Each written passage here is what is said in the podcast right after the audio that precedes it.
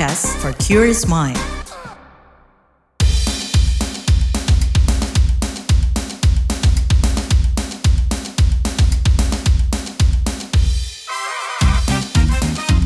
What's Trending KBR Pagi, siaran pagi radio paling update. KBR Pagi, siaran pagi radio paling update. Selamat pagi, apa kabar kalian semuanya di hari Senin 9 Januari 2023. Senang banget Don kembali ya menjadi teman pagi kalian semuanya setelah cuti satu minggu menikmati liburan awal tahun yang ya nggak ke mana-mana juga sih. Mudah-mudahan kalian semuanya dalam keadaan sehat-sehat ya kan. Terus juga punya semangat yang baru untuk menghadapi tahun yang baru ini ya. Nah pagi ini kita ngobrolin soal kekerasan seksual yang menimpa anak didik nih. Jadi sepanjang tahun 2022, Federasi Serikat Guru Indonesia atau FSGI itu mencatat 117 anak menjadi korban kekerasan seksual. Tercatat 16 anak laki-laki dan 101 anak perempuan sebagai korban kekerasan seksual di sekolah, di mana 73% pelakunya adalah guru. Di awal 2023 sendiri sudah ada kasus kekerasan seksual yang bikin heboh negeri plus 62 ini, yaitu dugaan uh, kasus kekerasan seksual yang dilakukan seorang kiai di Jember.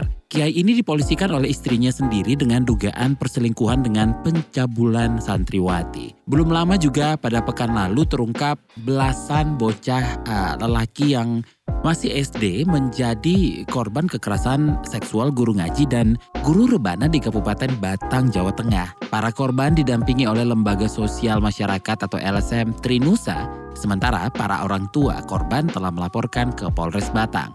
Nah terkait kasus kekerasan seksual di lingkungan pendidikan, sebelumnya Menteri Pendidikan, Kebudayaan, Riset, dan Teknologi Nadiem Makarim pernah mengungkap 22,4 persen peserta didik berpotensi mengalami kekerasan seksual.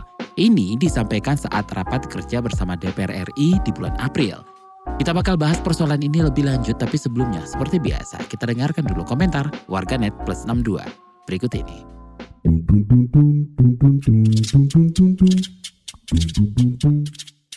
Pertama, at girl XX. Yuk kita lawan bersama segala bentuk kekerasan seksual agar dapat tercipta ruang aman untuk kita semua. At lentera anak underscore. Alhamdulillah, lentera anak turut berkontribusi dalam advokasi sekolah sebagai kawasan tanpa rokok, pelarangan iklan rokok, indikator kota layak anak, kekerasan seksual pada anak, eksploitasi anak pada kegiatan olahraga, mengumpulkan 11.000 surat untuk presiden dan sebagainya. At kuah XX Stop kekerasan dan seksual pada anak. At PDHXX Kekerasan anak dan seksual itu nyata adanya. Mari lindungi anak Indonesia. At DKIXX Kayaknya nggak cuma di Indo hukum buat pelaku pemerkosa atau pencabulan atau pelecehan cuma berlaku beberapa bulan Keingat K-drama Voice di mana ada episode yang kasusnya dia jadi bahan pelecehan anak di bawah umur Pelaku cuma dipenjara 7 bulan Korban trauma sampai tua. Terakhir at Journal XX, tahun baru, harapan baru, visi baru. Kita telah memasuki tahun baru 2023. Bersama-sama kita dapat menurunkan angka kekerasan seksual, mendekonstruksi kultur patriarki, dan membangun lingkungan inklusif dan aman. Selamat memasuki tahun 2023, panjang umur pejuang kesetaraan.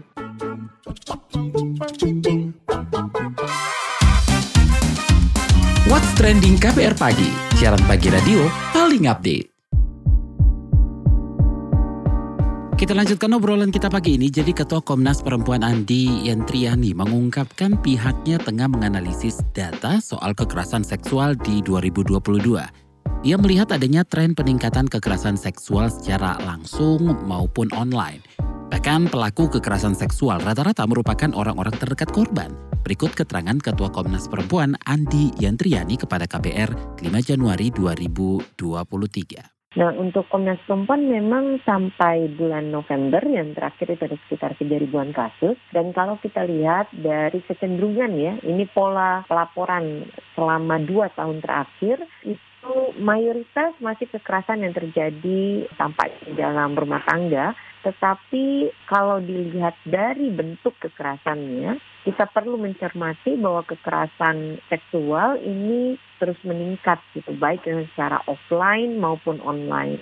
Dan kalau kita mengacu pada dua tahun yang terakhir, sering kali kekerasan eh, secara offline maupun online ini dilakukan justru oleh orang-orang yang terdekat dari korban ataupun mantan pasangan ya, baik itu mantan suami atau mantan pacar misalnya. Atau seseorang yang sebetulnya punya keinginan untuk membina hubungan yang lebih intim tetapi kemudian ditolak oleh pihak yang perempuannya.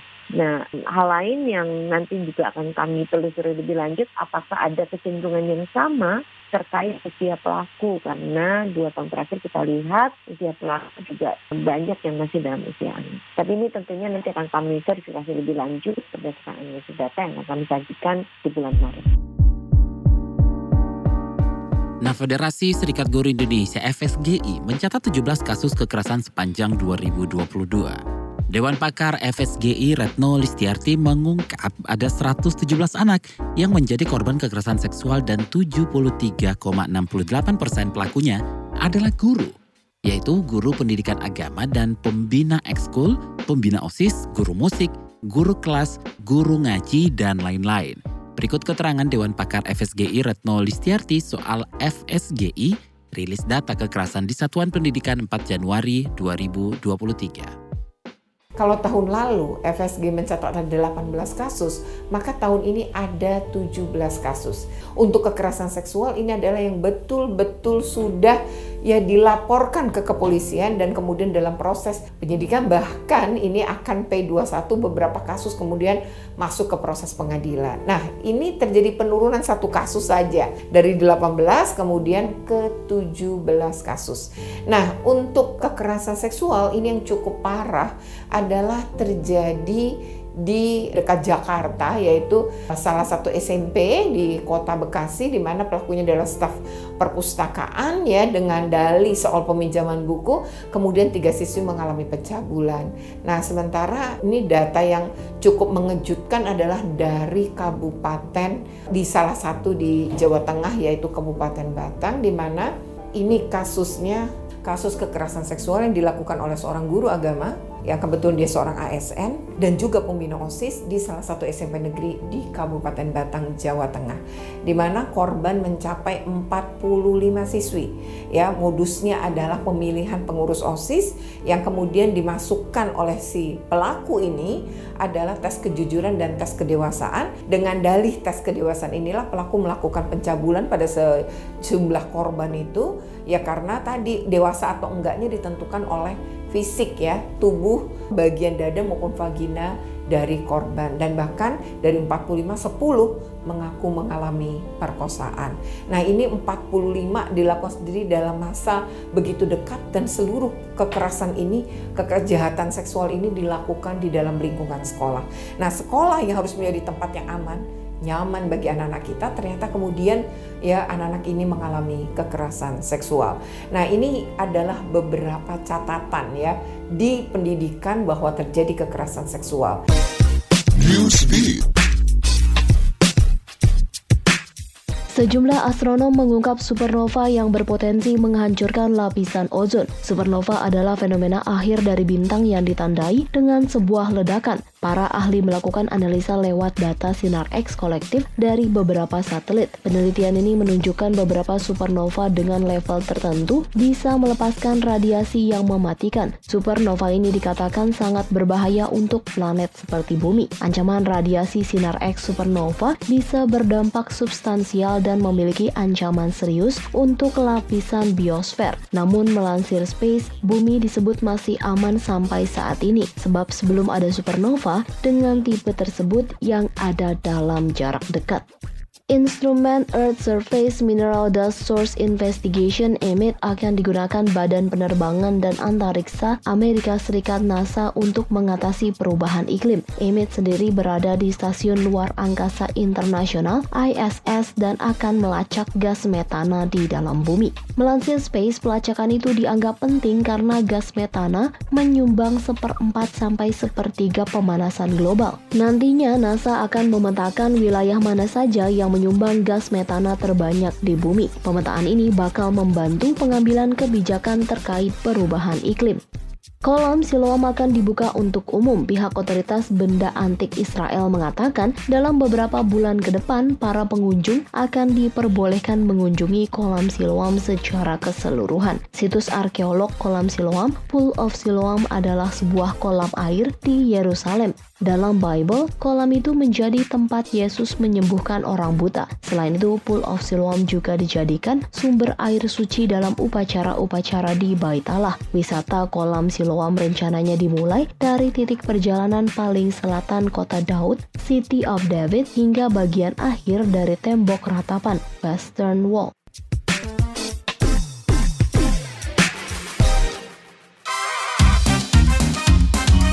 Trending KBR Pagi, siaran pagi radio paling update.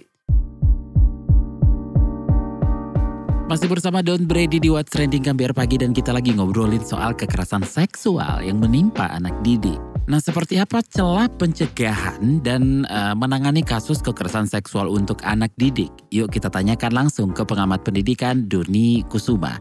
Pak Doni, sepanjang tahun kemarin tercatat 117 siswa uh, TK hingga SMA jadi korban kekerasan seksual, di mana 73 persen pelakunya guru. Gimana nih Anda melihatnya Pak? Ini memang fenomena yang sangat memprihatinkan dan perlu tindakan yang komprehensif ya, baik dari pemangku kebijakan seperti Kementerian Pendidikan dan Kebudayaan, juga pemerintah daerah. Karena di satuan pendidikan ini yang memiliki kewenangan besar itu sebenarnya Kemendikbudristek sebagai ya pembina dan kemudian pemerintah daerah sebagai pelaksana. Dan tentu saja pemahaman yang baik tentang kasus kekerasan seksual yang dipahami oleh para pemangku kepentingan ini sangat penting. Karena menurut saya dari beberapa riset itu kan kekerasan itu sering kali dianggap biasa saja karena ya mungkin ada benturan adat atau merasa nggak enak eh, yang di situ orang yang dianggap sebagai terpandang di masyarakat. Tetapi kan dalam kasus ini kan sebenarnya kejahatan ya kita tidak boleh melihat status orang tetapi apa yang terjadi secara uh, nyata nah menurut saya Pertama-tama mengapa terjadi kekerasan seksual di satuan pendidikan? Ini karena tidak adanya mekanisme akuntabilitas yang demografis yang sejak awal dipahami oleh seluruh pemangku kepentingan, baik itu guru, siswa, orang tua, karyawan, dan juga masyarakat. Terutama kan ini kalau masyarakat kan ada komite sekolah ya proses mekanisme pelaporan itu juga menjadi sangat sulit karena apa masing-masing pihak itu tidak memiliki mekanisme yang mampu melindungi. Kalau ada orang yang melaporkan, dia melaporkan kepada siapa? Kalau dia melaporkan kepada sekolah, justru malah nanti dibully identik karena ketahuan identitasnya siapa yang melaporin dan lain-lain. Dianggap nanti akan mencemarkan nama sekolah dan lain-lain. Nah ini butuh sebuah intervensi Nah sebelumnya Menteri uh, Nadim ya itu mengungkap berdasarkan hasil asesmen sekolah sebanyak 22,4 persen peserta didik itu berpotensi mengalami kekerasan seksual. Apa yang uh, masih perlu diperbaiki? Ya kerentanan siswa itu kalau di sekolah dia itu sangat rentan mulai dari anak TK PAUD ya sampai anak SMA itu rentan karena ada perbedaan kekuasaan antara guru dan siswa. Jadi ada mekanisme seperti itu. Jadi ketimbangan kekuasaan, relasi kekuasaan yang tidak seimbang, inilah yang membuat anak-anak itu menjadi korban dan dengan mudah itu. Di satuan pendidikan itu paling mudah. Apalagi satuan pendidikan yang berbasis keagamaan. Lalu dilindunginya apa ya? Dengan alasan-alasan ayat-ayat suci. Nah itu kan membahayakan sekali. Maka supaya anak-anak itu bisa melaporkan, maka harus ada sosialisasi. Apa sih yang dimaksud dengan kekerasan seksual? Karena kalau anak-anak itu sejak kecil, sejak tahu, tidak tahu apa yang dimaksud dengan kekerasan seksual sesuai dengan bahasa mereka, maka ya mereka tidak akan bisa berbicara dengan orang tua, nggak bisa berbicara dengan guru yang lain. Itu jadi pemahaman tentang apa yang dimaksud dengan kekerasan seksual di berbagai level itu harus dilatihkan dalam diri anak-anak. Yang kedua, dari para guru sendiri harus ada mekanisme, mekanisme untuk terbuka terbuka dalam arti sekolahnya sendiri gitu ya. Kalau guru misalkan punya preferensi pedofilia yang suka sama anak-anak, itu kan tidak bisa dicek. Tapi sistem bisa. Jadi sekolah bisa membuat sistem, sistem pelaporan dan lain-lain. Tetapi sistem pelaporan ini pun saya nggak yakin karena di sekolah-sekolah kita itu sudah banyak manipulasinya. Akan sulit berintegritas kalau di satu sekolah itu mereka buat mekanisme dilaporkan ke sekolah itu sendiri karena kejadiannya kan di sekolah nanti ditutup maka seharusnya mekanisme pelaporan itu yang membuat pemda pemerintah daerah dan itu dikelola oleh pihak di situ misalkan ada KPAI, Pemda sama yang dinas pendidikan. Jadi begitu ada laporan di situ masuk dengan nama anonim langsung itu ditindaklanjuti. Oke, di awal 2023 ini kan uh, kasus kekerasan seksual itu sudah mulai bermunculan ya Pak. Dari segi aturan masih ada celah nggak sih untuk menaungi anak didik? Undang-undang TPKS dan Undang-undang Perlindungan Anak uh, cukup kuat? Sebenarnya Undang-Undang Perlindungan Anak itu sudah cukup kuat. Lalu kemudian sudah ada Permendikbud tentang tidak kekerasan seksual. Lalu yang untuk di perguruan tinggi sudah ada peraturannya. Lalu secara umum sudah ada TPKS ya. Itu sebenarnya sudah cukup kuat. Yang menjadi masalah adalah bagaimana aturan-aturan prinsip yang ada di undang-undang ini diterapkan dalam konteks nyata di sekolah, di satuan pendidikan. Itu yang terjadi. Lalu kan tindakannya bukan hanya sekedar tindakan istilahnya punitif yang menghukum. Jadi kalau ketahuan baru dihukum, diproses kan bukan itu. Tetapi harus ada pendekatan yang preventif, itu edukatif, lalu membangun sistem. Nah ini nggak pernah, kalau yang preventif itu kita aja belum banyak melakukan preventif. Misalkan nih seminar, workshop tentang kekerasan seksual di kalangan anak-anak dan lain-lain. Itu nggak banyak sekolah-sekolah kita melaksanakannya. Lalu bagaimana guru dilatih workshop dengan apa yang dimaksud dengan kekerasan seksual, supaya mereka juga tahu gejala-gejalanya apa, bagaimana mekanismenya, aturan hukumnya seperti apa, supaya mereka tahu, paham. Lalu dibangun sebuah sistem independen yang kemudian bisa menjadi kanal-kanal pelaporan dan itu bisa oleh Pemda, oleh masyarakat atau siapa pun bisa yang jelas harus berintegritas. Jadi dari sisi undang-undangnya sudah cukup banyak menurut saya, tetapi implementasinya itu dari segi preventif maupun punitifnya itu nggak jalan. Apakah vonis mati Heri Wirawan yang memperkosa 13 santri ini bisa uh, memberikan efek jerah atau menekan angka kekerasan seksual pada anak didik? Menurut saya tidak, ya karena hukuman mati itu tidak akan membuat jerah banyak orang. Sudah banyak kok yang dihukum mati tapi tetap aja. Dan lagi hukuman mati itu ya tentu saja bisa diperdebatkan ya saya dalam hal ini termasuk orang yang anti hukuman mati sebenarnya. Tetapi kalau aturan negara kita masih memungkinkan itu ya negara berhak gitu. Tetapi secara pribadi saya anti hukuman mati. Dan faktanya apa? Dengan adanya hukuman mati pun kekerasan seksual juga tetap akan jalan terus. Artinya persoalannya bukan di hukuman matinya. Persoalannya adalah tadi preventif, edukatif, lalu kemudian bagaimana mengedukasi guru, mengedukasi siswa, dan di kalangan pendidik bagaimana mereka menjadi pendidik yang berintegritas, supaya menjadi pendidik berintegritas, supaya tidak terjadi kekerasan seksual, maka harus ada asesmen assessment tentang preferensi seksual mereka, harus ada tes psikologi untuk setiap guru. Jadi setiap tahun para guru harus menjalani semacam tes assessment psikologi untuk ngecek preferensi seksual atau kecenderungan-kecenderungan seksual mereka. Karena bisa jadi di antara guru-guru kita itu ada punya kecenderungan pedofilia yang sukanya pada anak-anak atau kecenderungan tidak dapat menahan uh, hawa nafsunya itu banyak sekali dengan adanya pendampingan atau asesmen seperti itu akan mempermudah sekolah untuk melihat oh ini guru ini kayaknya gejalanya sudah mulai bahaya ini karena dari tes asesmen itu maka harus didampingi dibina gitu. Jangan sampai nunggu kejadian baru kemudian diproses. Itu sudah terlambat menurut saya. Baik terima kasih. Pengamat pendidikan Doni Kesuma.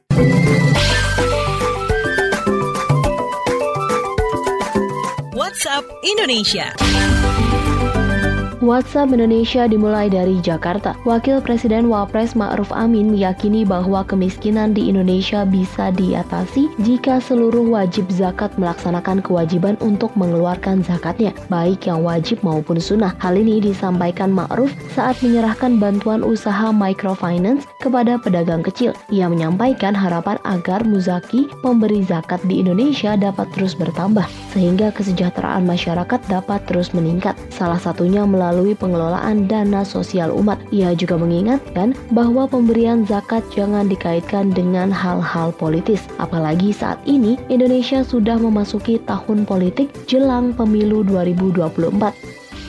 Selanjutnya menuju Cirebon, Jawa Barat. Pengurus Partai Umat Kota Cirebon, Jawa Barat meminta maaf setelah membuat kegaduhan sebelum masa kampanye tiba. Partai Umat sebelumnya membentangkan bendera partai di area Masjid At-Taqwa Kota Cirebon. Permintaan maaf ini disampaikan langsung oleh Ketua DPD Partai Umat Kota Cirebon, Herlina S. Kasduki. Menurut Herlina, pembentangan bendera di area Masjid At-Taqwa yang dilakukan oleh pengurus internal Partai Umat sebagai wujud syukur atas lolosnya Partai Besutan Amin Rais tersebut menjadi peserta pemilu. Herlina menjelaskan saat itu pengurus melakukan sesi foto bersama untuk dokumentasi internal. Namun sesi foto bersama tersebut tersebar luas Terakhir mampir Yogyakarta, pemerintah daerah Pemda DIY meminta pemerintah kota Yogyakarta segera menertibkan skuter listrik yang masih beroperasi. Hal ini seiring kembali maraknya penggunaan skuter listrik di kawasan Malioboro dan sekitarnya. Bahkan beberapa waktu lalu sempat viral postingan video yang mengunggah empat orang wisatawan berboncengan empat menggunakan skuter listrik melintas di Jalan Senopati, Kota Yogyakarta. Menanggapi hal itu, Sekretaris Daerah Daerah Sekda DIY, Kadar Manta Baskara Aji meminta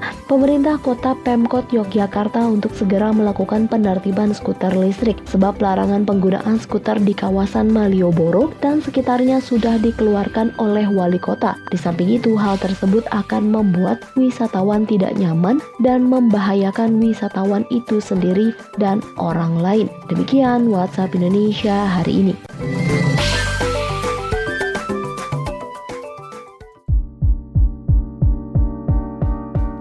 Sebelum kita tutup obrolan hari ini, ya saya mau infokan uh, juga nih buat kalian yang kalau mau healing tuh nggak perlu lagi pusing sebenarnya dan nggak uh, perlu buang banyak duit nih. Cukup dengerin aja podcast Disco, diskusi psikologi di kbrprime.id dan aplikasi mendengarkan podcast lainnya. Dua kali dalam sebulan, setiap hari Rabu ya. Jadi ya healing nggak perlu pusing dan buang banyak duit. By the way, terima kasih juga sudah mendengarkan What's Trending KBR Pagi. Jangan lupa untuk di like dan juga di share dan juga di follow podcastnya yang ada di kbrprime.id dan juga di aplikasi mendengarkan podcast lainnya. Besok kita ketemu lagi ya. Stay safe. Bye-bye.